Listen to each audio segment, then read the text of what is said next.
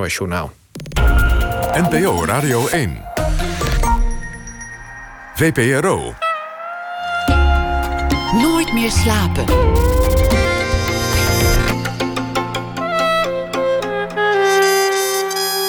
Met Pieter van der Wielen. Goedenacht en welkom bij Nooit meer slapen. Twee jonge mannen worden in elkaar geslagen omdat ze samen in een amoureuze pose worden betrapt. Het zet een van de personages onder druk. Een coming-out zou hem namelijk alles kosten wat hem dierbaar is: zijn gezin, de kerk, familie. In de telefilm Alles van Waarde wordt dit fictieve, maar voorstelbare verhaal verbeeld als een deels gefictionaliseerd docudrama. Dus een speelfilm met elementen van een documentaire erin. De film is aanstaande zondag te zien op de televisie en het is de derde film van regisseur Stanley Kolk. Eerder maakte hij Hemelrijk en de terugkeer van de Wespendief, die laatste naar een graphic novel van M.E. de Jong. Stanley Kolk is regisseur, scenarist, maar ook een veelgevraagd editor. Zo monteerde hij hele reeksen die u vast wel gezien heeft: Zwarte Tulp, Penose, werkte ook in Hollywood. En hij werd geboren in 1971. Stanley, hartelijk welkom. Leuk dat je er bent. Ja, dankjewel dat ik er mag zijn. Wat een, uh, het is altijd heel grappig om dan... Nou ja, dat zegt iedereen, maar dat is grappig om een introductie van jezelf te horen. Je, oh, ben, ik dit? Ben ik dit? Ja. Eh, ja. Ik, ik zag een, een foto van je rondzwerven ergens. En, en dan had je een, had je een hoodie aan, zo'n zo'n trui. Met- Er stonden drie woorden op. Eh, wat, wat was het? Geboorte, films kijken, sterven. ja. Is, is dat je leven eigenlijk? Nou, dat is een, een, een shirt wat ik vond in L.A. Nee, was het in L.A.? Ja, in L.A. denk ik. En ik, ik we waren aan het browsen in een winkeltje. En toen zag ik dat. Ik ja, maar dit, dit, is, ja, dit is wat het is. Birth, movies, death. Ja, en dat bleek een, ehm, een, een thema te zijn van een of andere bioscoop daar. Nee, ik ben van echt van jongs af aan filmgek. Echt van, weet ik wel, vanaf mijn achtste of weet ik niet, heel jong. Mijn hele leven video's leeg, leeg gekeken. Toen er nog geen videotheken waren. Met de, toen de videotheken alleen nog maar piratenvideo's hadden en zo. Ja. Dan, dan was je zo'n jongen die met, met een hele stapel videobanden naar huis liep. En dan Ja. zich, zich de hele dag opsloot. Nou, of zo erg niet, maar we keken wel thuis wel vijf, zes films in de week. Zo. Nou ja, dat is, dat is een redelijke score, Ja. toch? En dan, eh, en dan komt op een gegeven moment komt dan Quentin Tarantino. en dan denk je, oh ja joh, keek jij de hele dag film? Dus dat vond ik dan heel grappig. En ik dacht van, ja, dat, wie niet dan, dacht ik toen bij mezelf. Maar Voor jou was dat normaal. ja, Terwijl, Tarantino, die moet, die moet duizenden films hebben gezien in zijn leven. ja. Dat, dat kan haast niet anders. Hoe, hoe kwam dat? Heb je daar verklaring voor? Of is het gewoon zo? Moet ik het gewoon aanvaarden als een gegeven? Ehm, nee, dat is, ja, god, mijn vader was filmfan. Dus die, die, eh, die kwam met al die films. En dan ja, ging je als kleinkind mee. En dan mocht je zelf ook een video, een video uitkiezen. En dan, nou, op een gegeven moment zaten we echt van... we hebben hier alles al gezien in deze videotheek. We moeten naar een andere videotheek. Dus ik weet niet, ja. Het is een beetje een gegeven, ingegeven door mijn vader. Had je andere interesses? Of, of was het ook een beetje monomaan? Ging alle energie wel echt de film in? Ja, denk het wel. Denk het wel. Ja, kan niet... eh, ja, ja, dat. Film. Hoe, hoe deed je dat met huiswerk maken? Beetje afraffelen en dan snel weer een videootje erin. Ja, en, en sterker nog, eh, mijn, mijn middelbare school, eh Nederlands leraar en wiskundeleraar waren ook filmfan. En die, eh, die ontdekten dat ik dat, dat ik dat tof vind. En die lieten op een gegeven moment lieten ze ruimte om dat ik dan dat, dat ik een- weet ik veel. Dan had ik geen zin in wiskunde en dan ging ik naar mijn leraar toe en dan zei ik ja maar vanmiddag draait Querel in het filmmuseum en dan zei hij wat doe je hier nog en dan ging ik Querel kijken in plaats van wiskunde. Van Vastbinder. Ja. Is om, om, maar- om een willekeur. Nou, dat, dat is een meesterwerk. Daar heb je meer aan dan de stelling van Pythagoras.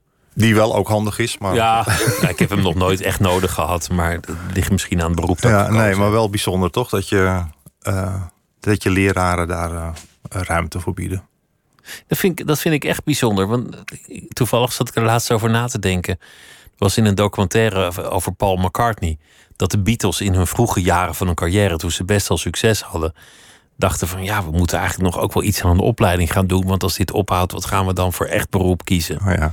En dat, dat Johan Cruijff in zijn hoogtijdagen, toen hij al de topscorer van Ajax was, toch nog een handelsdiploma ging halen. Want iedereen zei: Ja, maar Johan, denk je wel aan een echte carrière? Denk je wel aan later? Dus dat degelijke pad, dat, dat wordt zo diep ingesleten en zo diep erin geplemd. Ja. Dat mensen soms vergeten energie te steken in dat wat ze echt passioneert en waar ze echt goed in zijn. Ja, klopt. De eerste keer dat ik bij de film... Ik heb drie keer toelating moeten doen voordat ze dachten... nou ja, laat dan maar, laat hem dan maar binnen. Uh, bij de eerste keer, vlak voordat ik toelating deed... en het begint, dat, je, wordt dan, je, je meldt je aan en word je uitgenodigd voor een gesprek. En vlak voordat ik dat gesprek had... een week wel een week of twee weken daarvoor... las ik een artikel... Filmacademie leidt op tot werkeloosheidsuitkering. En vervolgens dat is motiverend. Ik, ja, precies. En vervolgens zat ik daar en toen vroeg, vroegen die, die mensen van de toelatingscommissie...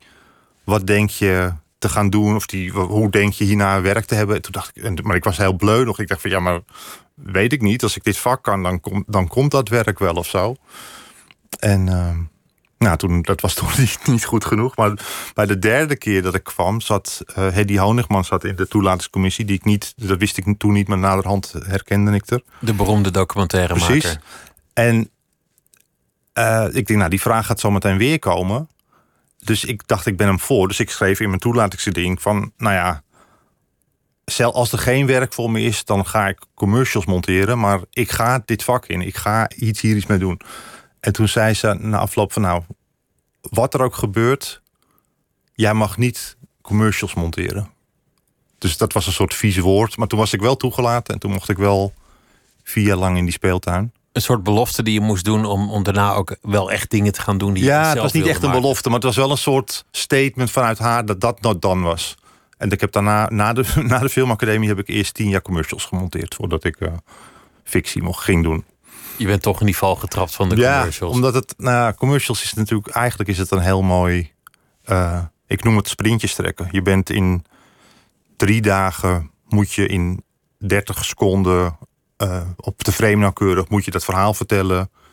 En het moet gewoon kloppen. En elke, alles, moet, alles moet kloppen. En die hamburger moet verkocht worden in die 30 seconden. Ik vind dat een heel bijzonder uh, ding. En nou ja, niet iedereen kan dat. Uh, in ieder geval toen ik begon kon niet iedereen het. Nu kan iedereen het, lijkt het. Uh, en nou ja, ik combineer het nu met, met tv-drama monteren. Dus dat zijn, dat is, en dat is dan een marathon lopen. Ben, ben je wel eens ontroerd geraakt door een commercial? Ontroerd geraakt door een commercial? Los van periodes waarin je gewoon helemaal niet stabiel in je vel zat en alles je kon ontroeren omdat je vriendin net weg was of wat dan ook. En dat je dan bij de eerste Liga-reclame al onderuit ging. Maar dat, dat het echt mooi was. Ja, nou, ik, dus, dus die zijn er vast. Die ga ik, kan, kan ik nu niet op. Er is er eentje, die vind ik heel grappig. En dat is een, een oudje van Spike Lee, waarin hij uh, toont hoe iemand zijn oude lamp wegdoet. En dan, is die, en dan is het perspectief van de commercial is de lamp. En dan met een zielig muziekje. En, en dan is het heel verdrietig dat die, dat die lamp wordt afgedankt en dan komt een nieuwe lamp. En dan zie je een soort point-of-view shot vanuit de lamp die buiten in de regen staat, heel zielig bij de vuilnis. En die kijkt dan naar zijn vervanger buiten uh, of binnen, die dan heel mooi het, de kamer uh, verlicht. En dan komt er een, een, uh, een mannetje, komt, schiet in beeld. En die praat dan in de camera en die zegt dan: Jullie zijn allemaal gek, dit is gewoon een lamp. En die lamp binnen is leuker. En dan, dat is dan een commercial. Dat is, nou, die, als je, die moet je maar opzoeken. Op, op Omdat je meegaat in het sentiment. Ja, je gaat dan mee in het sentiment. En die wordt dan getwist door, door die voice-over man. Of voice-over die, die man die dan die, die, uh, die, die tekst doet. Dat is echt heel grappig. Misschien ja. omdat we ons allemaal wel eens die lamp hebben gevoeld. Ja, denk het. Ja. Dat dat er ergens in zit. Ja. La, la, laten we het gaan hebben over, over de film die je nu gemaakt hebt. Want als ik het goed begrepen heb, was, was het echt jouw initiatief dat je, dat je dit thema ja. wil, wilde verbeelden. Je, je wilde iets met geweld tegen homoseksuele mannen. Ja, het is. Um, wat ik vind dat een. een, een um, nou, dat heb ik mijn hele leven al gehad. Je bent. Uh, uh, ik heb mijn hele leven al gehad dat als er ergens onrecht aangedaan wordt, dat ik dan de behoefte heb om daarin te springen, om een weerwoord te geven voor degene die onrecht aangedaan wordt. Ik kan me herinneren dat ik eh, op de middelbare school, niet bij mijn favoriete leraren die me vrij lieten, maar bij anderen, dat, er dan, dat ze dan boos waren op een, een kl- klasgenoot van me, die niet eens per se een vriend van me was of zo. Maar dat, en, dan, en dan vond ik dat niet eerlijk. En dan zei ik, ja, maar. En dan ging ik er tegen in. En dan zover dat ik zelf de, de las- klas, klas uitgezet werd om. eh, omdat ik dan te heftig reageerde op, op dat onrecht. Dat heb ik mijn hele leven gehad. En een van de onrechten waar ik altijd verdrietig of boos of nou ja, eh, onmachtig bij word, of wat ik, wat ik lastig vind, is, is geweld tegen mensen die eh, daar niks tegen kunnen doen. Dus geweld tegen, tegen homoseksualiteit, of geweld tegen vrouwen, of geweld tegen eh, in- als racisme. Geweld tegen iemand omwille van iets waar die zelf niks aan kan Ja. doen, omdat hij gewoon Ja, zo Weet je, is. geweld tussen twee mensen die ruzie hebben, denk ik ja, dan dat moeten jullie zelf uitvechten of zo. Dat, dat, dat, dat, dat, dat- daar kan ik makkelijker overheen stappen dan iemand die iemand anders iets aandoet die daar niks aan kan doen. Dan, nou, dan heb ik altijd de behoefte om, daartussen, om daar iets mee te doen.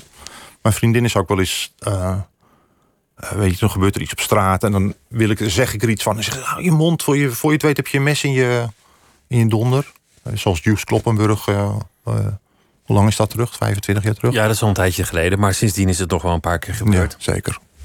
Nee, dus dat is een soort, soort interne drijfveer of zo, om daar, om daar iets mee te willen doen. Ehm, eh, dus nou ja, en, en toen, eh, twee jaar terug, eh, was er weer een oplevering, opleving in homogeweld, of, geweld tegen homo's. En toen dacht ik, ja, maar hoe, hoe krijgen we dit gestopt? Hoe krijgen we dit bespreekbaar? Hoe krijgen we hier grip op? En toen dacht ik, ja, door er iets van te blijven zeggen door eh, daar iets mee te doen. En omdat je. Door nooit de schouders op te halen van Ja. ach, dat, dat gebeurt nou eenmaal nee, soms. precies. Gewoon, ja, en nou ja, je, je kan als filmmaker kan je, kan je eh, ook maatschappelijke thema's aankaarten natuurlijk. Je hoeft niet. eh, je kan entertainment maken, maar je kan ook iets proberen te vertellen binnen die entertainment. Dus je bent zelf op zoek gegaan naar een scenarist en je Ja. hebt het project aangekaart bij de producent en je bent Ja. gewoon met dat idee rondgegaan van we lezen dit vaak in de krant, we horen vaak dit soort verhalen, maar hier zit eigenlijk ook een film in. Ongeveer zo. Ja, en daar komt dan bij dat je. Ik ben natuurlijk de rest van het jaar ben ik editor. En dat ben ik al 20 jaar of zo, 25 jaar. Er zijn als ik wil regisseren, dan zal ik het zelf moeten aanjagen. Want er zijn. Volgens, nou, ik hoop dat dat nu verandert, maar er zijn eigenlijk niet zoveel. Dus iemand zal niet zo snel naar mij toe komen om te zeggen: hey, ik heb een project, wil jij dat regisseren? Ik zal het zelf In gang moeten zetten. in gang moeten zetten, wil ik, wil ik iets regisseren. Dus dat, nou, dat is de andere kant. De, dus de meer pragmatische kant van, eh, van eh, waarom ben jij de motor achter dat ding. Ja. Heb, heb je dat soort dingen eigenlijk van nabij meegemaakt? Mensen die eh, in, in, in de problemen kwamen of, of die met, met hun geaardheid hebben geworsteld of met hun zijn hebben geworsteld. Ehm, niet per se heel veel, maar wel, ik kan me herinneren dat een vriend van me op de filmacademie in ons eerste jaar, was een van mijn beste vrienden eh, van dat, uit dat jaar. Eh, we liepen ergens en toen zei hij op een gegeven moment: Ja, ik moet je iets vertellen. Gaan we zitten. En heel, nou, met heel veel eh, horten en stoten en moeilijk vertelde die me dat hij homo was. En toen dacht ik: Maar wat, is En? je punt dan? Waarom? Ja. Wat, wat, wat? En, nou ja, en toen, ja, dat was voor hem natuurlijk veel moeilijker dan dat dat voor mij was. Eh, en dat was eigenlijk een van de eerste momenten dat ik dacht van ja, dit is wel. Het is een groter probleem dan, dan dat je als buitenstaander in eerste instantie realiseert. Omdat ik zelf die. eh, Om het te vertellen of om het, om het uit te dat- vinden. Nou, of om, om, om het te durven uiten. Het is gewoon toch lastig voor mensen. Het, wordt, het, het is ook eigenlijk heel gek natuurlijk dat je. eh, als je anders bent, dat je het moet benoemen. Toch? Als je homo bent, dat je dan ja, uit de kast je, moet. je hebt niet een soort coming in. Dat je, dat Nee. je, dat je die kast ingaat. Dat je zegt, eh, pap, mam, luister. Ik val op meisjes. Nee, nee, Nee, dat, dat, dat komt niet zo vaak voor. nee. nee, gek is dat, hè? In, in dit geval, het, het personage dat, dat, dat jullie gecreëerd hebben, ehm, staat eigenlijk op het punt om, om alles te verliezen. Ja. Als, als, als hij volledig daarvoor zou gaan en, en het als een identiteit zou aanvaarden, ja, dan, dan zou hij zijn gezin verliezen, zijn familie, zijn, zijn omgeving, de kerk. Hij zou alles kwijtraken. Ja. Dus, Dus, het- dus het is een reusachtig, onmogelijk dilemma voor hem. voor, ja, voor hem is het. Ik hoop, ik hoop dat er. Dat er meer. Dat, er me- dat mensen eerder tot, tot, tot zichzelf kunnen komen. En niet. Maar ja. Ik kan me een, collega herinneren toen ik een, een. Nou, niet een vakantiebaantje, maar een tussenbaantje had. En die had, die had ook kinderen en durfde toen pas op een gegeven moment te vertellen: van ja, maar ik ben eigenlijk, schat, ik ben eigenlijk homo. En ja, dat, ja dan, dan je maakt meer stuk dan op dat moment. Maar ja, het is ook het moment wanneer je eraan toe bent om, dat, om eerlijk tegen jezelf te zijn, denk ik. Wanneer dat zover is. En in het geval van, van ons personage, eh, denk ik dat hij heel lang geleefd heeft in de overtuiging, eh, zoals in, in traditioneel denken onder kerk, eh, in de overtuiging dat het een zonde is die hij moet dragen van God en die die moet zien te trotseren. Ik denk dat hij dat heel lang geloofd heeft, dat dat de bedoeling was. Dus hij Een soort te- een test van, van God. ja, dat denk ik. Dus ik denk ook dat het voor hem eh, ook een overwinning op zichzelf is. Dat hij durft in te zien dat hij gewoon mag zijn wie hij is. Deze film hebben jullie gemaakt samen met de EO. Ja. En dat, dat, daar, daar moest ik wel even over nadenken. Van, god, de EO die, die dit uitzendt. is eigenlijk wel moedig van die club. Omdat het toch gaat over iets waar in hun achterban... niet altijd even makkelijk over gesproken wordt. Nee, maar de, de EO is, is natuurlijk eh, breder, eh, heeft een bredere achterban dan dat je, dan dat, dan dat ook ik trouwens, eh, in eerste instantie denkt. Ze hebben eh, mensen die heel streng in de leer zijn, in hun achterban zitten. En ze hebben mensen die nou, meer naar het geluk of de saamhorigheid of andere gevoelens in, in het boek vinden, wat ze, wat ze met, met elkaar delen. Ehm, en al die groeperingen die, die eh, zitten in hun achterban. En zij, ik kan me ook herinneren dat ik ehm, op een gegeven moment een project deed als editor. En dan werd ik gebeld van, nou, we gaan dit project doen. En eh, wil je, ben je beschikbaar? Wil je het doen? Het is met die regisseur. En ja, het is wel voor de EO hoor. Alsof dat het, het lastiger zou maken. Maar ik heb altijd, ik heb altijd het gevoel gehad in, mijn, in de klussen die ik met deed in het verleden als editor. Dat, dat ze zijn, ja, dat, ze zijn. Ze willen geen bloot in beeld en ze willen niet. eh, eh, dat, dat, vind, dat vinden zij niet een fijn onderdeel in, in, in film vertellen. Nou ja, daar kan je tegen ingaan, omdat je dat als maker wel wil. Maar je kan ook denken, nou ja, dat is dan kennelijk een gegeven binnen, binnen, deze, binnen met hun werken dat ze dat niet willen. Er zijn ook. Maar in deze film is het nog niet zeer bloot, maar Nee, wel nee, nee. hele liefdevolle, eh, iets wat erotische scènes tussen twee mannen. Ja. Meer in de zin van zoenen, knuffelen, Ja. spanning die zich ontwikkelt. Nou, ik was ook heel blij dat ze die goed vonden, die scène. Dat ze, dat ze snapten dat dat erin moest. Het zal ze misschien één of twee opzeggingen kosten. Ja, dat ga ik dan volgende week van ze horen, denk ik. Ja, dan krijg jij op je kop. Je Nee, maar ik denk dat ze dat ook. ik- Ja, daar heb ik het nooit met, met eh, de mensen over gehad. Maar ik denk dat ze dat, in, dat, ze dat het waard vinden. Ik denk dat, het, dat ze Om, die discussie aan te gaan. Ja, zij willen jongens, gewoon- dit speelt ook in onze gemeenschap. Ja, zij willen heel graag dat gesprek faciliteren. eh, middels deze film. Eh, en vooralsnog valt die, valt die goed binnen. Eh, we hebben hem her en der al laten zien aan wat mensen. En hij, hij- het valt goed. Dus Ik, vind, ik vind het moedig en bewonderenswaardig. ik, ik van, ook, hè. Maar het- ik, ik probeer ook te zeggen dat ze minder conservatief zijn dan, dan, lijkt. dat, dan dat we dachten. J- Jullie hebben daarvoor gekozen ja. om, om het, het is een, een speelfilm, maar in de film is het ook een, een documentaire waarvan sommige scènes worden Ja. nagespeeld. Dus, dus we zien ook de making of de film en we zien de zogenaamd echte personages naast Ja. de acteurs, waardoor je, waardoor je die personages eigenlijk uit verschillende hoeken kan benaderen en ook een soort afweging kan geven aan hun motieven. Mhm. Zullen we het meer zo spelen? Of een contrast tussen het gespeelde personage en, En het, zogenaamd echte personage. Dus, dus in die zin kan je dichter in het hoofd komen van die personages dan je normaal zou kunnen. Als je alleen maar zou acteren. Mhm. je kan, was- je dat kan ze nu ook interviewen bijvoorbeeld. Het is een extra verhaallijn. Ja. Met, met welk personage kreeg je zelf meer empathie dan je gedacht had? Oh, dat is een. Die is me nog niet. Ge, die had ik niet aan komen. Even denken. Ehm, eh, nou, het, het, meerdere dingen wel. Want ik had. eh, ik word elke keer als ik. Dat is best wel gek als, als maker, maar elke keer als ik de film in zijn geheel kijk, word ik aan het eind geraakt door eh, Julia Akkermans, die daar de, de vrouw van onze hoofdrolspeler speelt. Ehm, die, die laat aan het eind een soort pijn zien in, in dat verlies. En elke keer denk ik, oh, dat is, ja, dit speelt ook nog. Want, want zij verliest natuurlijk ook haar man, met wie ze heel gelukkig is als Ja. uitkomt dat, dat hij op mannen valt en, en toch misschien dat pad wel of niet inslaat. Zij denkt een gelukkig leven met hem te hebben.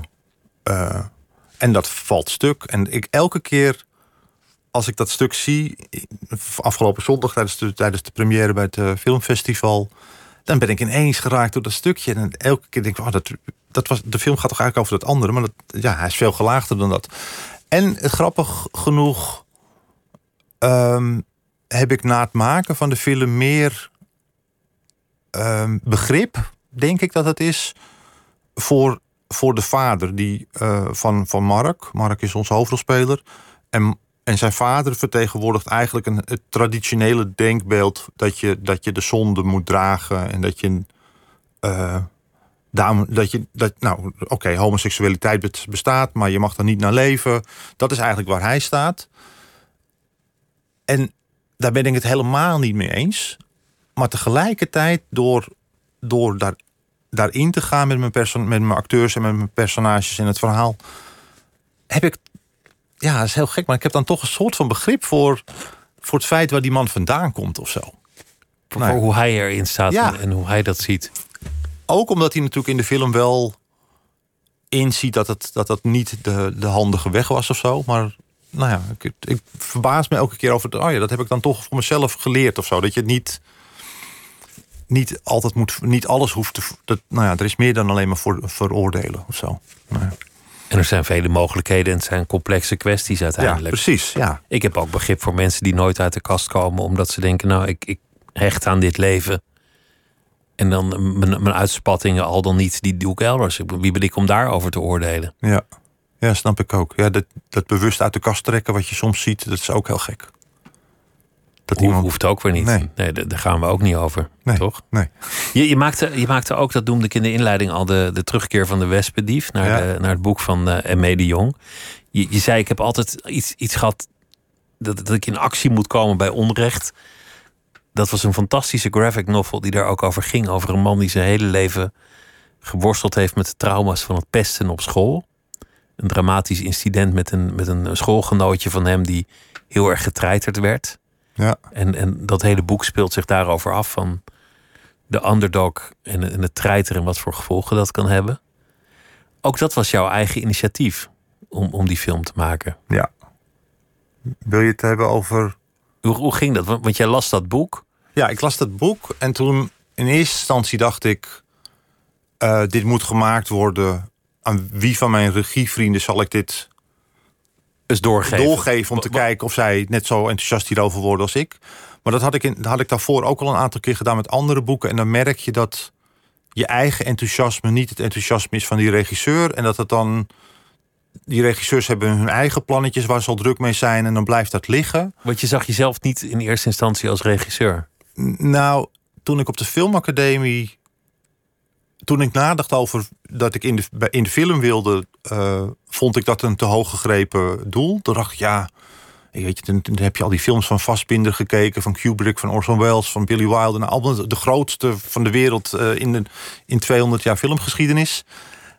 En dan denk je, ja, maar dat ben ik niet, dat kan ik helemaal niet. En Dus dan, en dan leer je gaandeweg, als je boekjes leest, van oh, er is ook nog montage. Daar wordt film eigenlijk gemaakt, één op één met een regisseur. Nou, dat voelde als de next best thing of zo. En eh, dat is het ook trouwens. Dus, Dat is eigenlijk werkt het super. verlammend om al die meesterwerken te kijken. Dat had ik een beetje, ja. Ik werd daar heel onzeker van. En toen op de filmacademie... eh, eh, als je op de filmacademie komt en dan word je bijna toegelaten... en dan vraagt, vraagt dan de, de montagedocent vraagt dan aan je... ben jij een mol? En dan ik, huh, een mol. En dan blijkt dat er heel veel studenten zijn die dan via de, via de, de andere eh, vakrichtingen op de school proberen te komen. En dan in het eerste jaar, wat een propenduizenjaar is, zeggen: hé, hey, maar ik wil ook regie doen. En dan de switch maken. En dan ben je binnen en dan, En dan kan ben je binnen. Ja, dat schijnt door. tegenwoordig niet meer te mogen. Maar toen ik op de school zat, deden ze alsof dat niet mocht. Maar kon dat wel nog.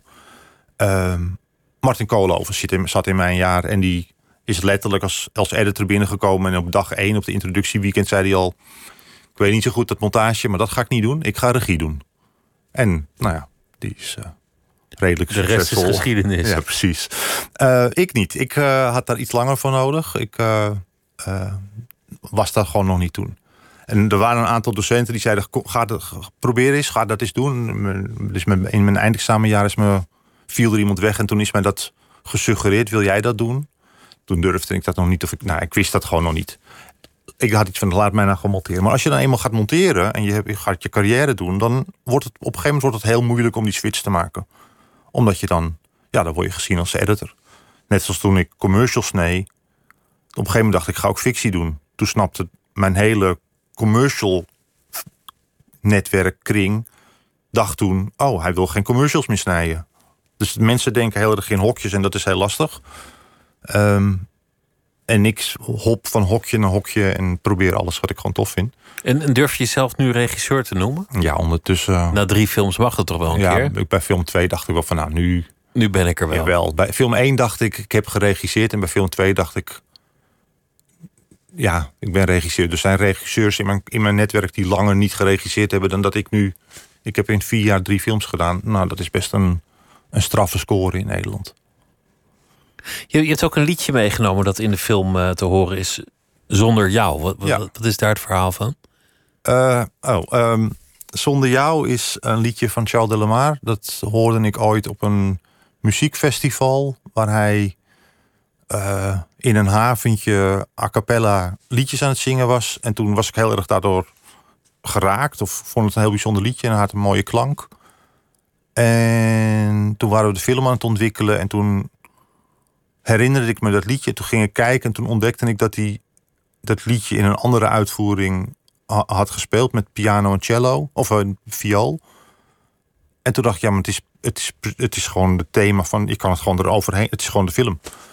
En toen heb ik, ze bena heb ik hem benaderd eh, met de vraag of ik dat eh, mocht gebruiken. En dat was goed. En nu zit het in de film, in een soort hoogtepunt na de finale. Een tweede hoogtepunt is het voor mij. We gaan luisteren. Ja.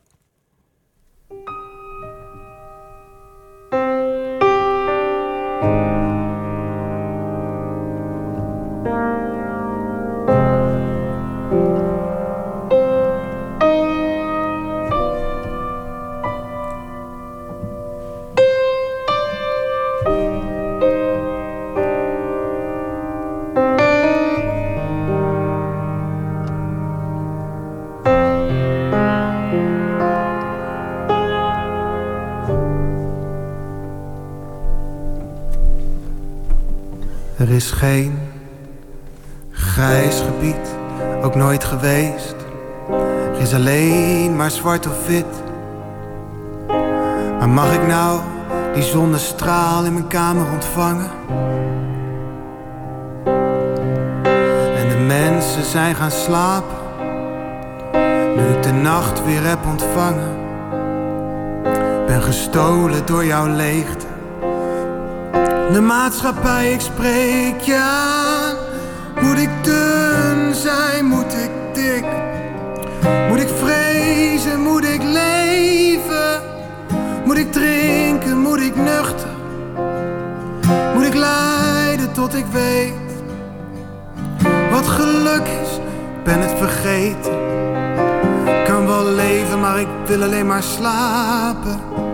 Stuur me naar je les hoe te leven. Zonder jou loop ik door mijn straten. Zonder jou, ik voel me zo verlaten. Zonder jou, ik heb mijn glas.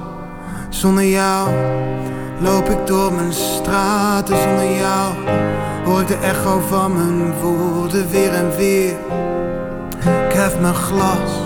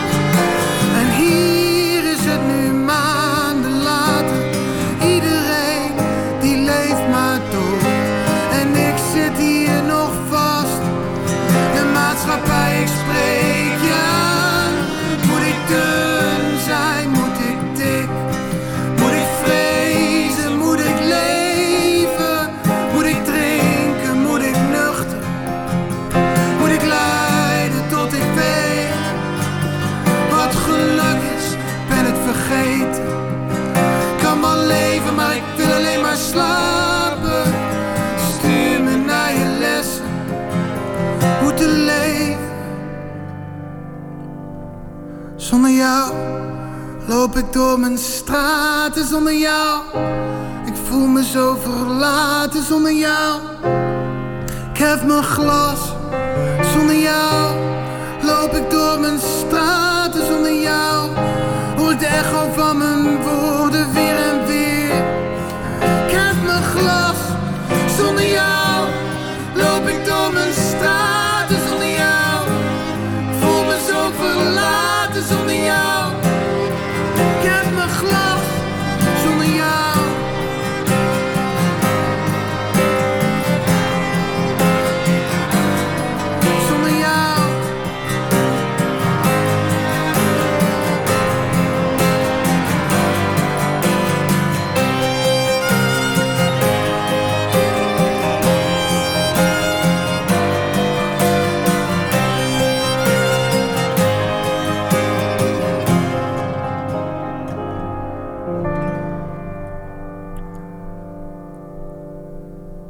Ik nog zonder jou?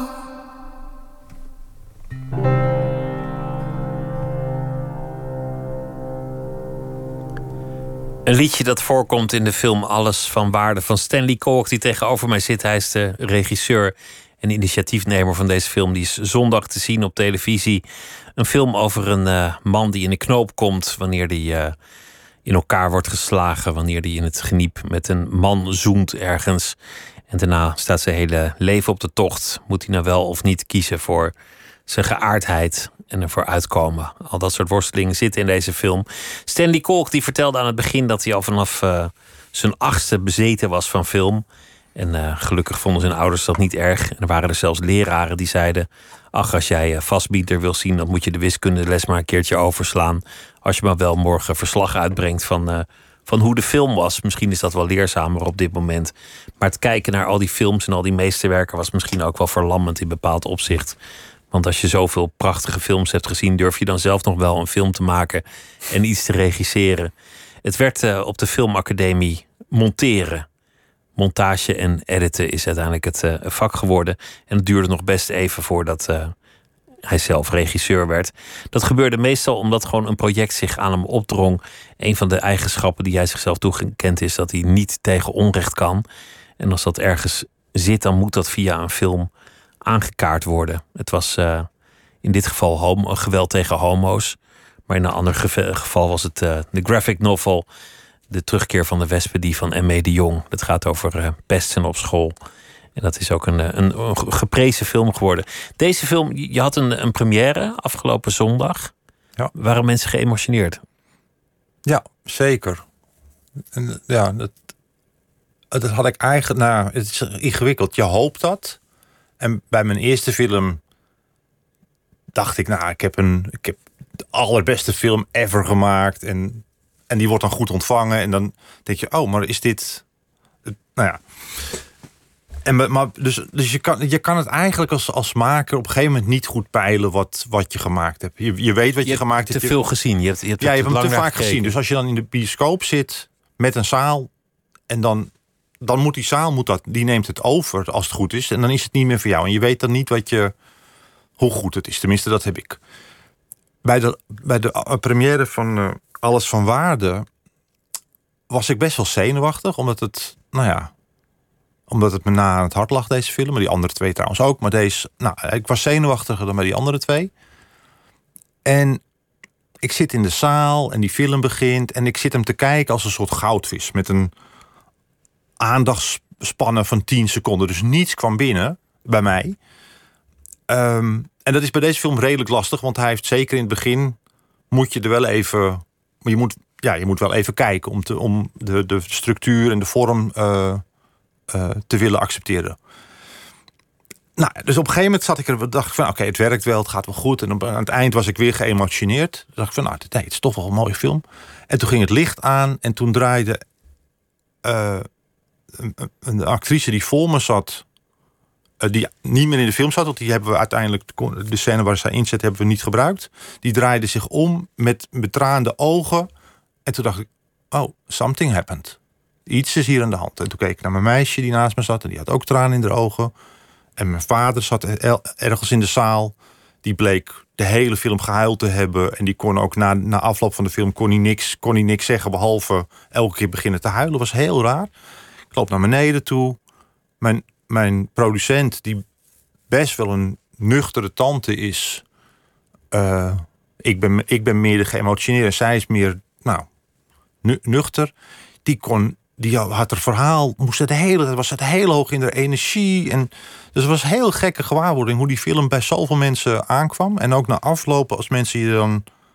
Uh, nou, dan komen ze nog even in toe. Nou, we hebben echt een goede film gemaakt. En dan, dat is wat er normaal gesproken bij een film, bij de vorige twee films. Nou, we hebben best iets moois gemaakt. Zullen we volgende keer weer? Ja, ja, ja gaan we volgende keer weer iets leuk doen. Bij deze begon iedereen, begon, keek me aan en begint te huilen. Allemaal met betraande ogen. En dus was heel. Nou, ik, ik, weet niet. Ik, uh... Een prachtig compliment lijkt me. Ja, maar ook heel onwerkelijk. Omdat het dan... Nu is die film dus nu... En zeker nu ik het zo hier aan het vertellen ben... denk ik, ja, maar als zo meteen morgen iemand gaat kijken... kan alleen maar tegenvallen. Of niet? Ik weet het niet. Ik, vind het, uh, nou ja, ik vond het een onwerkelijke première. Maar wel heel bijzonder. Doordat iedereen zo uh, geraakt was.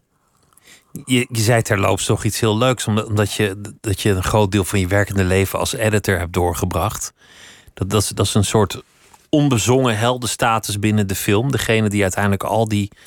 Nou ja, ik, ik denk dan in banden, maar het zijn waarschijnlijk bestandjes. Ja. op zijn bureau krijgt. En dan al die takes en al die scènes ziet. En dan, dan moet kiezen en monteren en, en zorgen dat het mooi wordt. Die kan een film maken en breken. Ontzettend belangrijke functie. Maar je zei een van de actrices was gesneuveld tijdens de montage. Ja. Dat kan gewoon gebeuren. Dat iemand zegt: joh, we hebben deze hele rol niet nodig, weg ermee. Of ja. deze scène geloof ik niet. Of uh, ja, dat gebeurt. Zullen we gewoon dat einde helemaal laten zitten? Of, of al dat soort dingen gebeuren ja, dat gebeurt. in die montagekamer. Ja, nou, het, het is wel. Uh, het heeft ook wel te maken met hoe ik, hoe ik werk. Uh, voor mij uh, zijn. Nou, in de, is een cliché, maar dat, het is ook een waar cliché. Een film wordt drie keer gemaakt: één keer tijdens het schrijven, één keer tijdens het draaien en één keer tijdens het monteren. Um, ik kom uit de montage en voor mij is het een, is het een drietrap-raket. Je begint met een script, dat is goed. Dan ga je met je acteurs eraan werken. Dan als het, goed, als het goed is, wordt het dan beter. En dan in de montage moet het nog weer beter worden. Je hebt uh, maar dat is, ik, ik denk dus dat het, dat het daarin groeit. Maar er zijn ook regisseurs die denken, die vinden dat, um, dat je elke stap compromissen aan het sluiten bent. En dat je, elke, dat je zo dicht mogelijk bij datgene moet blijven wat je geschreven hebt. Omdat dat was wat goed was. En ja, het was net niet gelukt. Het licht was net niet mooi. We moeten zorgen dat we bij het script blijven. We moeten zorgen bij het script blijven.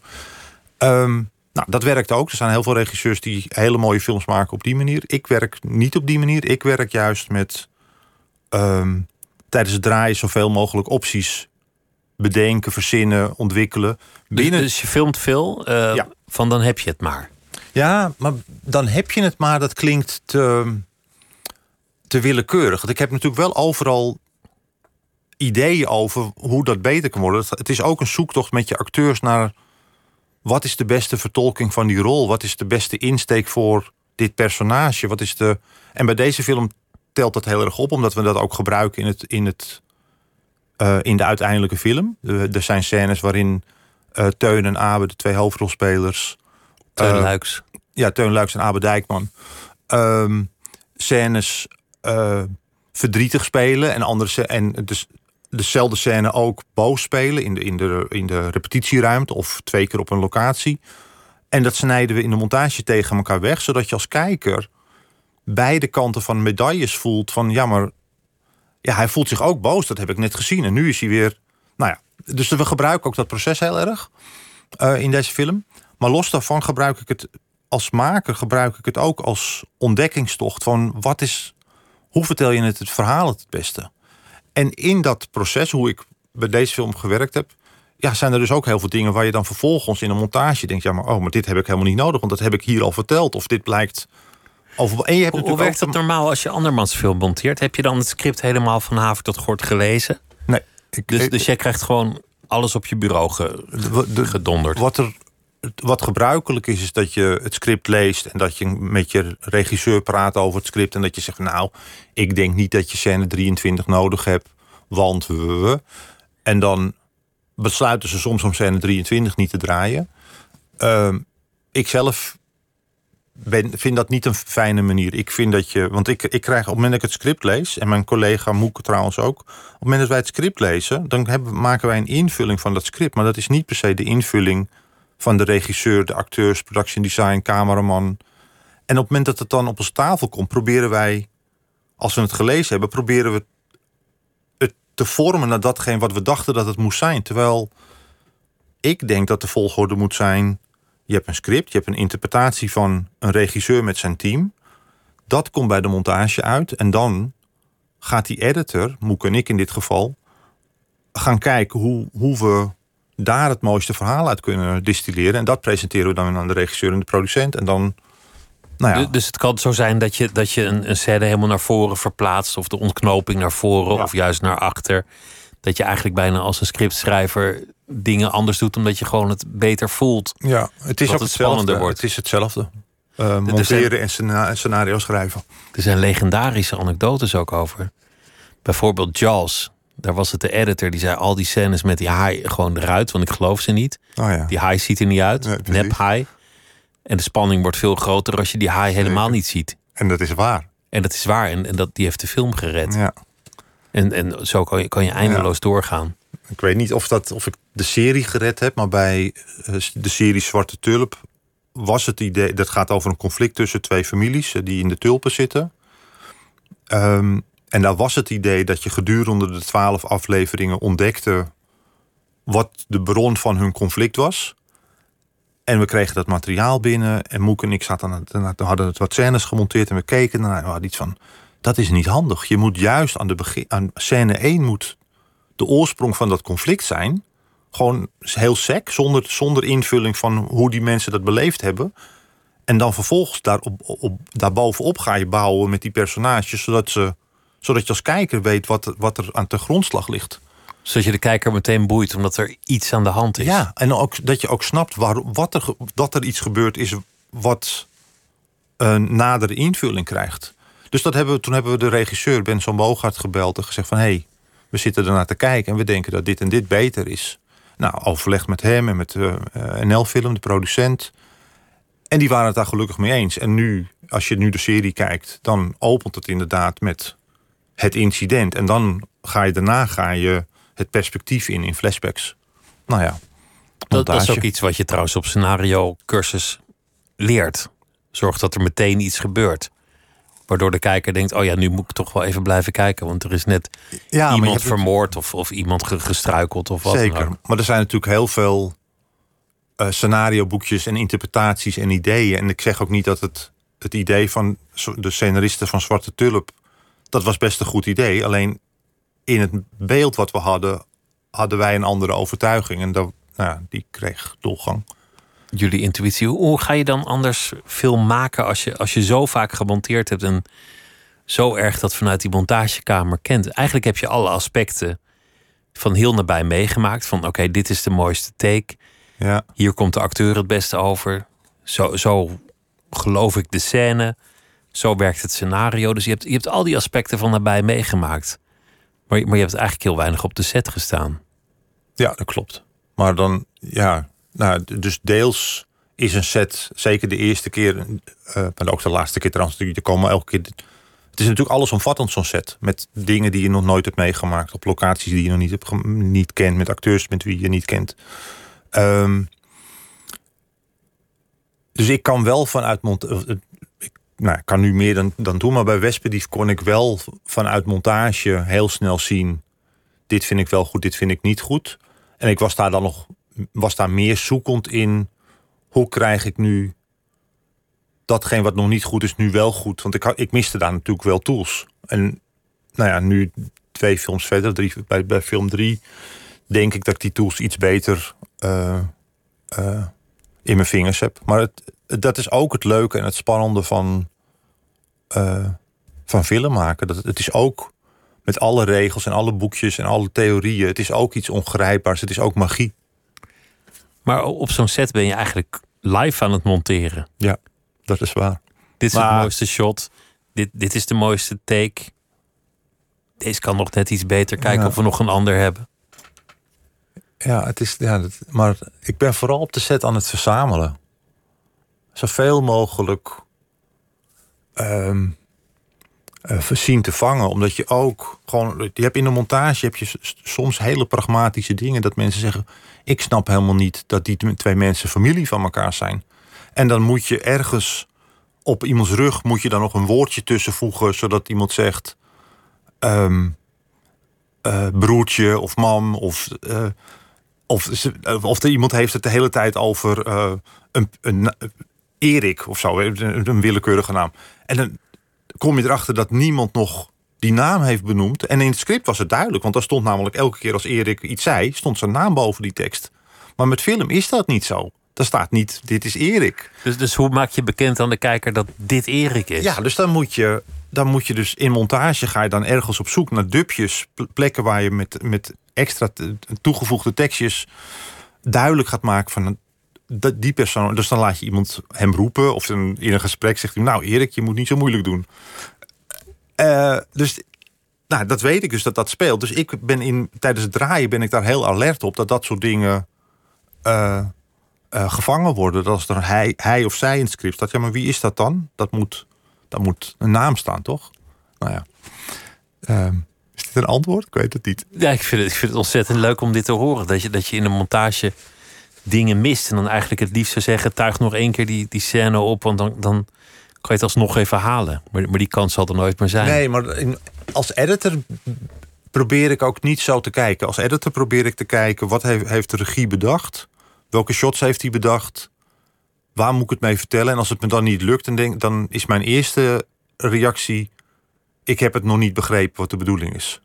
Want het, er heeft iemand namelijk heel erg over nagedacht hoe hij die film of hoe hij die scène wilde draaien. Eh, dus als de scène niet werkt, ligt het in eerste instantie aan mij. Dat is ook detective werk, want je hebt niet het script gelezen, maar wel al die bestandjes op Ja. je bureau Ja. gedonderd gekregen. Ik, ik las, onlangs bestond de film Costa 150 jaar of zo. En het zou korter zijn, maar heel erg lang. Ja. En dat werd overal gevierd en, en herdacht. En toen, toen las ik in al die artikelen erover dat, dat ze daar iets van drie verhaallijnen hebben laten vallen. om te komen tot de film die Oh, uiteindelijk geestig. zo groot succes werd. Dat ze dachten, het, is, het moet veel simpeler. Grappig, wist Het ik was, niet. het was eigenlijk een soort zijspoor dat, dat het ging over clubjes bouncers op het strand. En eh, dat was gewoon genoeg. Wat grappig. En de rest hebben ze allemaal wegge- weggegooid. We hadden dat bij Alles van Waarde hadden we dat ook. Tenminste, niet met bouncers op een strand in Spanje. Maar we hadden ehm, bij Alles van Waarde in, in, op scriptniveau... hadden we in eerste instantie een verhaal... wat ook ging over een rechercheur... die worstelde met haar vrouw zijn binnen een mannenwereld van, de politie, van het politiekorps... en dat ze haar kans niet kreeg. En dat ze dan tegen juist omdat ze die kans niet kreeg, nog harder ging pushen op deze zaak. En daar binnen de hand over speelde en de jongens dwong om uit de kast te komen. Waardoor ze. Nou ja, dus dat, en, en we hadden het verhaal van. eh, ehm, eh, de, de vermeende eh, geweldspleger, de, de Marokkaanse jongen. Die vanuit zijn eh, eh, achtergrond eh, automatisch als de dader werd gezien.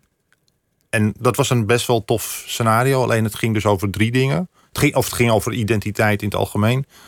Alleen de hoofdlijn die, waar ik in, oorsprong op aanging... en waar de EO eh, eh, het, het idee op had gekozen om te ontwikkelen, namelijk die, die twee jongens en waarom doen ze geen aangifte, was ondergesneeuwd in die twee andere ideeën. Of tenminste, het kwam niet ten volste naar voren. En toen hebben we eh, ergens in het proces op scenario niveau gezegd, gezegd van nee, we moeten toch strenger kiezen. Die twee verhaallijnen moeten kleiner. Het moet over die twee jongens gaan. Ehm, en ik heb nog wel in, het, in wat we gedraaid hebben, heb ik nog wel heel veel andere scènes gedraaid. Die over de regisseur gaan en, en wat zij ehm, meemaakt. Ehm, maar tijdens, en, en, maar waarvan we eigenlijk al dachten van... Oké, we draaien het omdat we in het script dat we nu hebben denken dat dat nodig is. En maar ik had al het gevoel van dit gaan we niet gebruiken zometeen in de montage. Want als we willen focussen op die jongens, dan is, de, is deze scène ook te veel. Eh, en dat, dat, bleek ook bij de montage. Bij versie 2 hadden van, deze scènes moeten er allemaal uit. Allemaal we- weg. Ja, een, Mensen vroeg opgestaan en, en ja, eh, een, een, de een, cateringwasser, het heeft geld een gekost. En- volledige dag, een volledige night shoot dag eh, niet gebruikt. Vijf scènes niet gebruikt. Achtervolgingen, geweldplegingen, hele, nee, niet gebruikt. Iemand zou ooit een keer een, een filmnacht moeten organiseren met wereldberoemde films waarvan de weggegooide scène Weer een Nu- film kunnen zijn. nu, nu, nu eindelijk getoond wordt. Kijken of daar nog een film, een film in zit uiteindelijk. Je, je, je had het over onrecht, dat dat voor jou eigenlijk altijd een, een beweegreden is. En je had het ook over Spike Lee's commercial over de lamp die op de stoep Spike Jones. Spike Jones. Ja. Of Jonesy. Of, ja. Maar goed, die, die had over een lamp die op de stoep wordt gezet. Mhm. En dat, dat iedereen ineens tranen in zijn ogen krijgt omdat de schemerlamp wordt afgedankt. ja. Wa- waarom is film eigenlijk zo'n mooi medium om empathie op te wekken? Omdat het over mensen gaat. Omdat het eh, eh, heel veel kunstvormen in met elkaar verenigt. Het gaat over, het is fotografie, het is muziek, het is, eh, eh, het is kleding. Het, het zijn zoveel kunstvormen die samenkomen, waardoor het heel erg optelt, denk ik. Ehm, en nou, niet bij alle films, maar het gaat natuurlijk eh, ook gewoon over mensen en menselijk drama, wat eh, als het goed is je raakt. Denk ik. Is dit... Het, het, klinkt, het klinkt alsof dat een belangrijke motivatie voor jou is om, om, om, om dit werk te doen. Om, films te maken. Ja, maar het grappige is dat ik toen ik begon met regisseren, dacht ik, ik ga elke film een ander genre proberen. Gewoon omdat het leuk, omdat het zo'n veelomvattende kunstvorm is. Dus je kan, ik kan volgende keer een kinderfilm doen en daarna doe ik een musical en daarna een, een giallo. Dat is een eh, Italiaanse horrorachtige stroming. Ehm, maar het lijkt er inderdaad nu, als ik nu drie films gemaakt heb, lijkt het er wel op dat ik eh, toch meer. Nou, sociaal drama wil ik het niet noemen, maar wel. het, het moet wel een haakje hebben. Het moet wel. de- deze film is. eh, telefilms worden ontwikkeld in, in het kader van een, van een onderwerp. Eh, deze ging over crime. Ehm, ik had al meteen bij het begin dacht ik ja, het begint bij een, bij een misdaad, maar daarna wil ik het hebben over wat die misdaad veroorzaakt. Eh, want eh, een, een, een film over, eh, over boeven, ja, ook leuk, maar die, dan, ja, die ga ik wel kijken, die hoef ik niet te maken of zo. Die komen vanzelf wel. Ja, Die ik worden vind toch het wel superleuk om naar een baantje te kijken. Of ik vond de montage van Penosa vind ik te gek. En eh, ehm, nou ja, het, het, is, ook- het, is ook heel waardevol en het is ook echt heel tof. Maar nou, toen ik zelf dit aan het ontwikkelen was, dacht ik, ja, maar ik vind het dan toch interessanter om te kijken wat die crime veroorzaakt. In plaats van achter een, een zak cocaïne a- aan te rennen. Die, eh, En Penosa doet hetzelfde trouwens. Die gaat natuurlijk daar zijn dat, is, is die zak cocaïne en dat geweld gaat. Het gaat uiteindelijk gaat het over een vrouw die haar kinderen probeert te beschermen. En wat, wat, wat ze daarvoor achter moet, eh, op, op moet offeren. Dus En ik, ik deze film- eigenlijk tekort. Maar de- deze film heeft dat ook. Je, je leest in, in de krant een, een bericht over iemand die in elkaar is geslagen. Of twee mannen die, die, die eh, mishandeld zijn.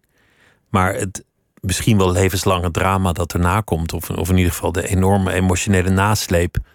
Die Daar haalt de krant niet. over, nee. Daar hoor je niks meer over. Nee. Nee, daar hoor je niks meer over. Terwijl dat is wat mensen met zich meedragen. En dat is waar, nou ja, waar de film een evenwicht in probeert te vinden. Waar, waar je met elkaar in verder kan. Dat het, ja, het zou toch tof zijn als, het, als we over een paar jaar een, een inclusievere uh, samenleving hebben. waarin we gewoon allemaal mogen zijn wie we zijn. Als dat toch eens zou lukken. Nou, als dat toch eens zou lukken. als we daar toch eens zouden komen. Maar, maar film, ja. Bijvoorbeeld als je, als je een, een film ziet als. Uh, was een, was een paar jaar geleden een, een, succesvolle film Sorry We Missed You. Oh ja. Van Ken Loach over een pakketbezorger.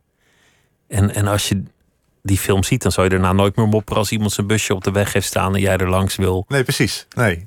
Vanaf dat moment kijk je anders naar die mensen. Dus dat het film kan dat wel triggeren, denk ik. Denk ik ook. Wat, wat wordt het project hierna eigenlijk? Ben je, ben je alweer. Uh, ja, ik heb een aantal gekke projecten. Ik heb, ben met een. Nou, ik weet niet of dat echt wat wordt, maar ik vind het zelf heel grappig. Een soort horrorfilm in een, in een, in een, studentenhuis, een studentenhuis met drie uh, meiden. Uh, nou ja, ik weet niet of dat ooit het wordt. En ik heb een, ben een project aan het ontwikkelen waarin de uh, hoe leg ik dat goed uit? Alternatieve samenleving. We, we, leven anno nu. Het ziet er in eerste instantie ziet het eruit zoals het er nu uitziet. Alleen het. Uh, toen wij 100, 125 jaar terug. toen de mannen in de samenleving het goed vonden dat vrouwen ook kiesrecht kregen. In, in mijn universum van deze film deden ze dat niet. En hebben een paar jaar daarna hebben de vrouwen dat met geweld zich toegeëigend. En vanaf dat moment eh, ontstaat er een, een samenleving waarin de vrouwen de dienst uitmaken en mannen steeds minder te zeggen hebben. Um, nou, daar heb ik allemaal ideeën over en, en uh, dat ben ik nu aan het ontwikkelen om te kijken of dat iets stofs kan worden. Um, het idee is dat je door het om te keren inzichtelijker maakt wat het onrecht is of hoe ongelijk dingen zijn. Door het om te draaien laat je zien hoe absurd het eigenlijk is ja, nu. Dat hoop ik. Dat is, dat is de, de insteek. Is, is het eigenlijk slim om op de radio ideeën te vertellen? Weet ik niet. Ik zat het te doen en toen dacht ik, moet, ik doe dit eigenlijk wel goed. mee te schrijven, weet ja, je Ja, maar ja, dan... Zit Martin Koolhoven te, te nou, luisteren? Die heeft zijn eigen ideeën. Ja, die heeft ideeën genoeg. Ik weet het niet of dat... Nee, ik zat het te doen en dacht ik, hoe werkt dat eigenlijk? Nou ja, dan ik, ik ben, ik, het is mijn idee, dus, dus ik ga wel zien of dat. Uh... We zien wel. Leuk dat je langs wilde komen. Stanley Kolk, dankjewel. En uh, zondagavond is de film Alles van Waarde te zien uh, op de NPO. Dankjewel. En morgen in Nooit meer slapen zit hier Lotje IJzermans. Goeienacht. Op Radio 1, het nieuws van alle kanten.